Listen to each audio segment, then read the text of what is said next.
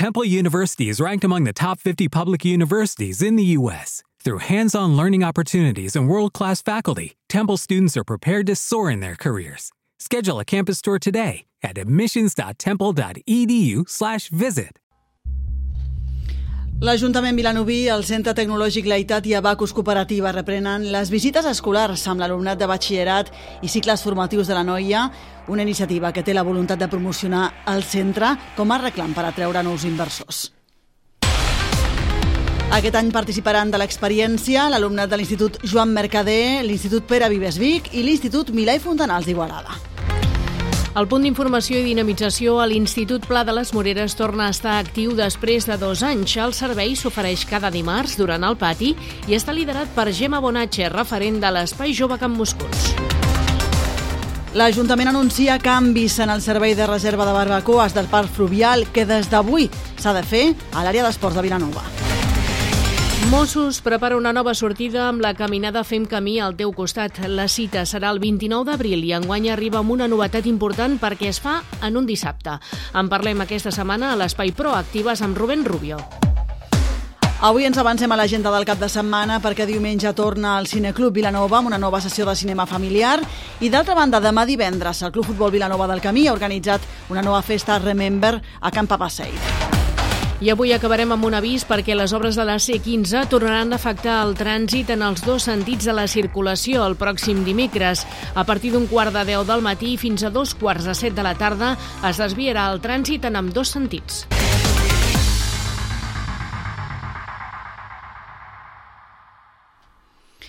L'Ajuntament de Vilanova del Camí, el Centre Tecnològic Laitat i Abacus Cooperativa reprenen les visites escolars amb l'alumnat de batxillerat i cicles formatius de la comarca de la Noia. Aquesta iniciativa s'inclou en el recorregut d'emprenedoria i empreses del Centre d'Innovació Noia amb la voluntat de promocionar el centre com a reclam per atreure nous inversors.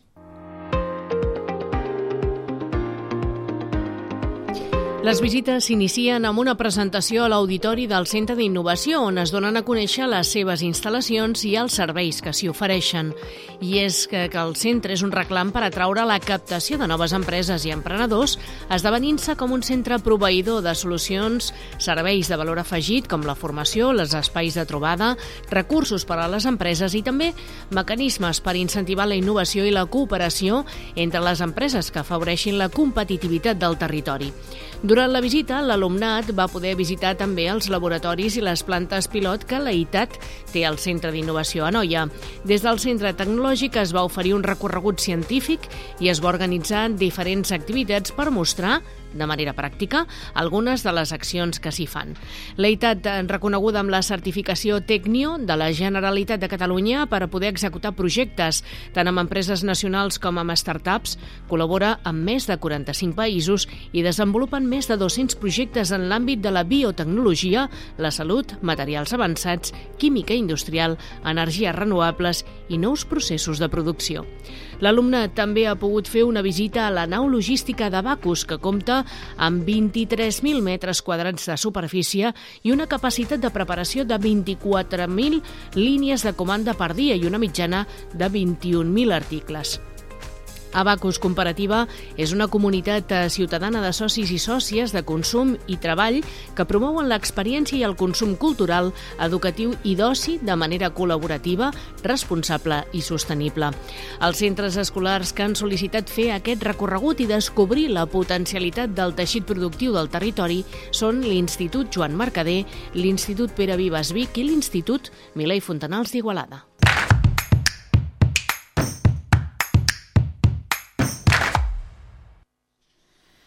Després de quasi dos anys sense activitat, el Servei del Punt d'Informació i Dinamització en els centres d'educació secundària, el PIDCES, s'ha tornat a activar a Vilanova del Camí. Aquest servei té com a objectiu principal promoure la informació, l'assessorament i l'acompanyament dels i les adolescents i joves en diferents àmbits, com ara la salut, el lleure, la cultura, la participació, la formació, el treball i la mobilitat internacional. Un servei que s'ofereix cada dimarts durant el pati i és rotatiu per tal d'arribar a tot l'alumnat. Està liderat a Vilanova del Camí per Gemma Bonatge, referent i dinamitzadora del projecte i vinculada a l'Espai Jove Camp Moscons. tot i que durant les primeres setmanes comptarà també amb la col·laboració d'una jove que està fent les seves pràctiques d'integració social a l'equipament juvenil. Des de Camp Moscons asseguren que la recuperació d'aquest servei representa una gran oportunitat per als joves de la localitat que podran beneficiar-se dels recursos i serveis que ofereix per al seu desenvolupament personal i social.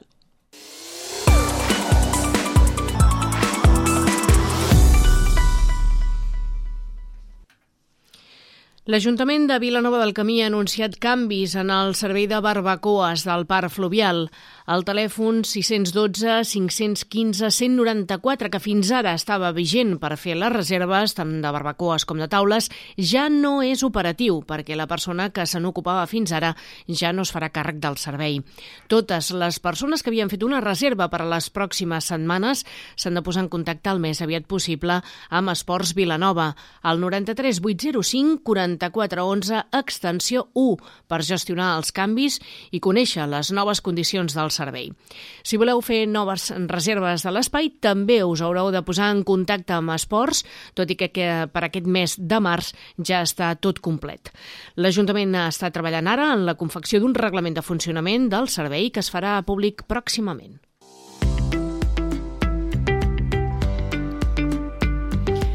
El govern de Vilanova del Camí va rebre aquest dimarts a l'Ajuntament el primer vilanoví nascut aquest any 2023. Es tracta de l'Eix Pujador Cabré, que va néixer el 8 de gener i que va pesar 4 quilos llargs. És el segon fill de la Marina i l'Albert, té una germaneta que va a la llar d'infants i avui celebra el seu segon mes de vida. L'alcaldessa Noemi Trucharte, acompanyada d'altres regidors del govern, van rebre la família a l'Ajuntament, on van conversar distesament sobre el nou membre de la família i en nom del consistori l'alcaldessa va lliurar als pares de l'Aleix un lot de productes d'higiene personal per a aquest nadó.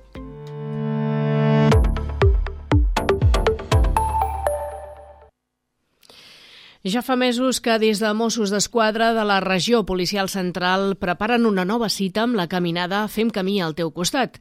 La cita serà el 29 d'abril, però enguany arriba amb una novetat important, perquè es fa en un dissabte. Un any més el recorregut anirà de Manresa fins a Montserrat seguint la ruta del camí ignasià, en total uns 25 quilòmetres. Ara fa 13 anys de la primera caminada que una colla de Mossos d'Esquadra de la regió policial central van organitzar amb l'intenció de portar alguna cosa més que el servei diari al ciutadà i de col·laborar activament en la lluita contra el càncer. Els beneficis s'han destinat als quatre hospitals de la regió central per millorar els serveis d'atenció als pacients oncològics. Aquesta serà la onzena edició i el retorn a la plena normalitat, tot i que l'any passat ja es va poder celebrar la desena després de l'aturada de la pandèmia. Els números confirmen que és una activitat plenament consolidada i que la ciutadania se l'ha fet seva. Tant és així que aquest any han decidit programar-la un dissabte per respondre a la demanda ciutadana. Escoltem Rubén Rubio, responsable de l'Oficina de Relacions a la Comunitat dels Mossos d'Esquadra. Com que la ciutadania se l'ha fet seva, atrevim-nos, no? I, I bé, els companys que estan liderant aquest projecte des d'allà a Manresa, doncs amb negociacions amb el monestir de Montserrat, perquè evidentment mm, no és el mateix moure 3.500 persones un dia entre setmana que moure-les un cap de setmana, afegit mm -hmm. als visitants que, doncs, que ja té el monestir, però, però bé, bé la, el motiu és aquest, la petició explícita de la ciutadania de que ho féssim un dissabte, un cap de setmana, uh -huh. i contents.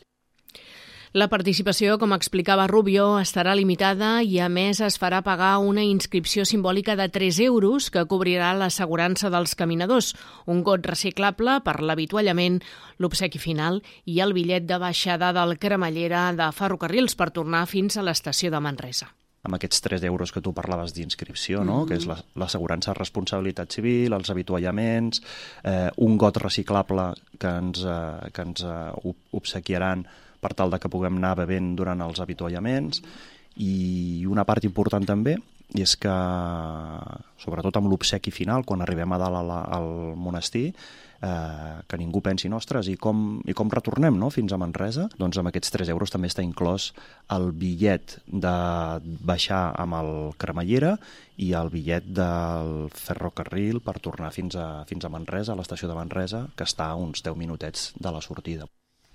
Aquelles persones que no puguin participar en la caminada sempre tenen l'opció de fer-ho amb la compra de la samarreta commemorativa, que un any més s'ha dissenyat per poder contribuir a aquesta causa solidària. Es venen al preu de 12 euros. Ah, hi ha molta gent que diu, ostres, jo no puc fer-ho, no puc fer aquesta caminada, o, o perquè no estic preparat, o perquè el dia que heu pensat doncs, no ens va bé, però sí que Com hi ha... puc col·laborar, no? I tant, i tant. Hi ha una massa importantíssima que, que tots els anys ve a, a comprar la samarreta eh, com una cosa ja com marcada al calendari, no? Mm -hmm. per poder aportar també el seu petit granet de sorra. Aquest any la samarreta és de color groc i, com destaca Rubén Rubio, és un producte de qualitat i de quilòmetre zero. L'empresa igualadina Tuga Activewear s'ha compromès en aquest projecte i ha posat moltes facilitats als organitzadors.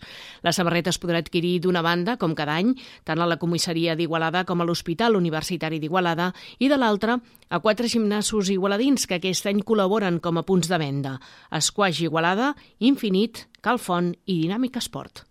Aquest any estem especialment contents perquè és un producte absolutament local d'una empresa de la nostra, de la nostra comarca, l'empresa Tuga, que ens ha fet un tracte espectacular, meravellós, que s'han implicat en poder oferir-nos totes les possibilitats i més. És un producte espectacular per un preu molt assequible. A més a més, el 50%, el que no és el preu de cost de la samarreta, sí. el 50% restant va absolutament tot destinat a, doncs, amb aquesta causa uh -huh. a les àrees oncològiques dels quatre principals hospitals. I aprofitem per agrair a quatre gimnasos de la localitat d'Igualada que de forma absolutament altruista doncs, ens estan ajudant i allà també la podreu trobar que són l'Esquaix Igualada, el Gimnàs Infinit, el Gimnàs de Calfont i el Dinàmic Esports. L'any passat, la desena edició de la caminada Fem Camí al teu costat va recollir més de 76.000 euros. I al llarg de totes les edicions, gràcies a les aportacions dels patrocinadors i a la venda de samarretes, s'han aconseguit gairebé 327.000 euros que s'han dedicat a dotar de més recursos als espais hospitalaris destinats a oncologia. Com assegura Rubén Rubio, el canvi ha estat notable a l'Hospital d'Igualada, on ara fa tres setmanes va poder comprovar les millores del nou hospital de dia oncològic, que també s'han fet possible amb la campanya de mecenatge del Consorci Sanitari de la Noia. Un equipament renovat que permet oferir més confort i intimitat als prop de 250 malalts que hi fan tractaments oncohematològics cada any. S'ha fet una reforma espectacular per millorar doncs, l'assistència de les persones que malauradament doncs, estan lluitant amb aquesta, amb aquesta malaltia i bueno, els que per mala sort vam viure la, com era l'aspecte no? de l'espai anterior i, i com ha quedat ara, no? doncs bueno, color, no? és espectacular, no? dona una tranquil·litat, una privadesa un, bueno, a les persones que doncs, han d'estar rebent el tractament de quimio, doncs almenys com a mínim que ho puguin fer en un entorn que els hi generi doncs, la màxima confortabilitat possible. No? El passat cap de setmana Mossos va poder fer una primera venda important de samarretes i fer difusió de la caminada en una carpa de la campanya Botiga al carrer, gràcies a la invitació d'Iguala de Comerç. A més, van tenir ocasió de compartir amb la ciutadania anècdotes personals i el compromís de contribució en aquesta activitat que ens afecta a tots hem tingut l'oportunitat de vendre moltes, moltes samarretes i, i això, no? Veus gent que s'acosta i que, i que et fas creus no, de petites anècdotes. De, doncs jo estic aquí perquè tal dia un fill meu o una germana meva, tal, i llavors estic superconscienciat i no he caminat mai, però tinc totes les samarretes, perquè això és un compromís. Bueno, doncs, sí, sí, són petites coses d'aquelles que dius, ostres, que xulo, no?, que eh, aquesta taca d'oli no, s'hagi anat... Eh, hagi anat a, extenent, no? extenent i, i bueno, que mm la ciutadania ho hagi acollit com el que és, eh, una activitat no nostra, mm -hmm. sinó de, de tothom. La caminada del dia 29 d'abril és prevista a les 9 en punt, des del costat mateix de la comissaria dels Mossos d'Esquadra de Manresa, però la cita és mitja hora abans per poder recollir les targetes de participació, rebre les indicacions escaients i fer també una foto de grup. Per a inscripcions i per a més informació podeu veure també la pàgina web femalcamí.cat. Avui en parlem a l'Espai Proactives d'aquest mes de març. Podreu escoltar el podcast del programa.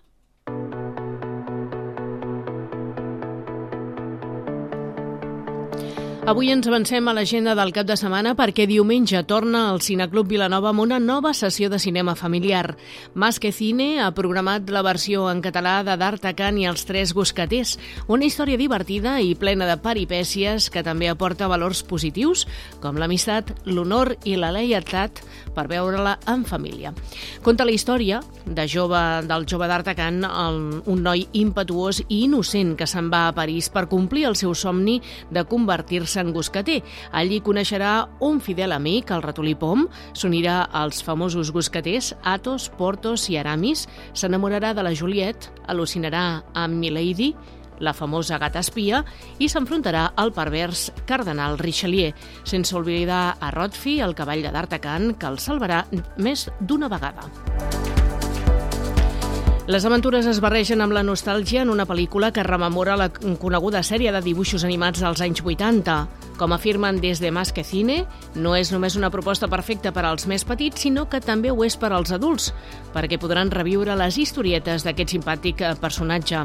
El to humorístic, els diferents gags i la gran dosi d'acció la comparteixen en un títol d'allò més entretingut, dinàmic i fàcil de veure per a tots. A més a més, compta amb una banda sonora gravada aquí a Espanya per l'Orquestra Simfònica de Navarra, que dota el film d'una certa majestuositat acompanyada d'un disseny disseny sonor molt complet. La sessió de cinema començarà a dos quarts de dotze del migdia. Recordem que l'horari s'avança 30 minuts respecte de la temporada anterior. I d'altra banda, demà divendres el Club Futbol Vilanova del Camí ha organitzat una nova festa en Remember a Camp Passeit. La música dels 70, 80 i 90 de la mà del DJ Javi Mancebo convidarà a passar una nit ben animada a tothom qui vulgui compartir una bona estona de ball. Una festa que començarà a dos quarts d'onze de la nit. L'entrada és gratuïta, però l'aforament és limitat.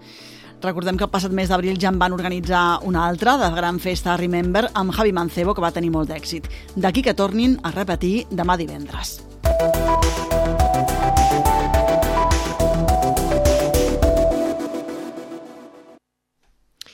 I avui acabem amb un avís perquè les obres de la C15 tornaran a afectar el trànsit en els dos sentits de la circulació el pròxim dimecres 15 de març.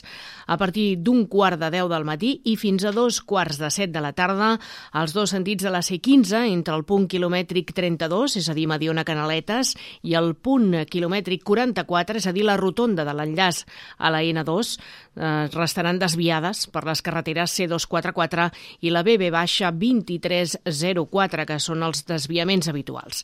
El motiu d'aquest desviament és per executar els treballs a les torres elèctriques d'alta tensió, també s'han de repintar marques vials i retirar barreres de formigó provisionals als viaductes de la Noia.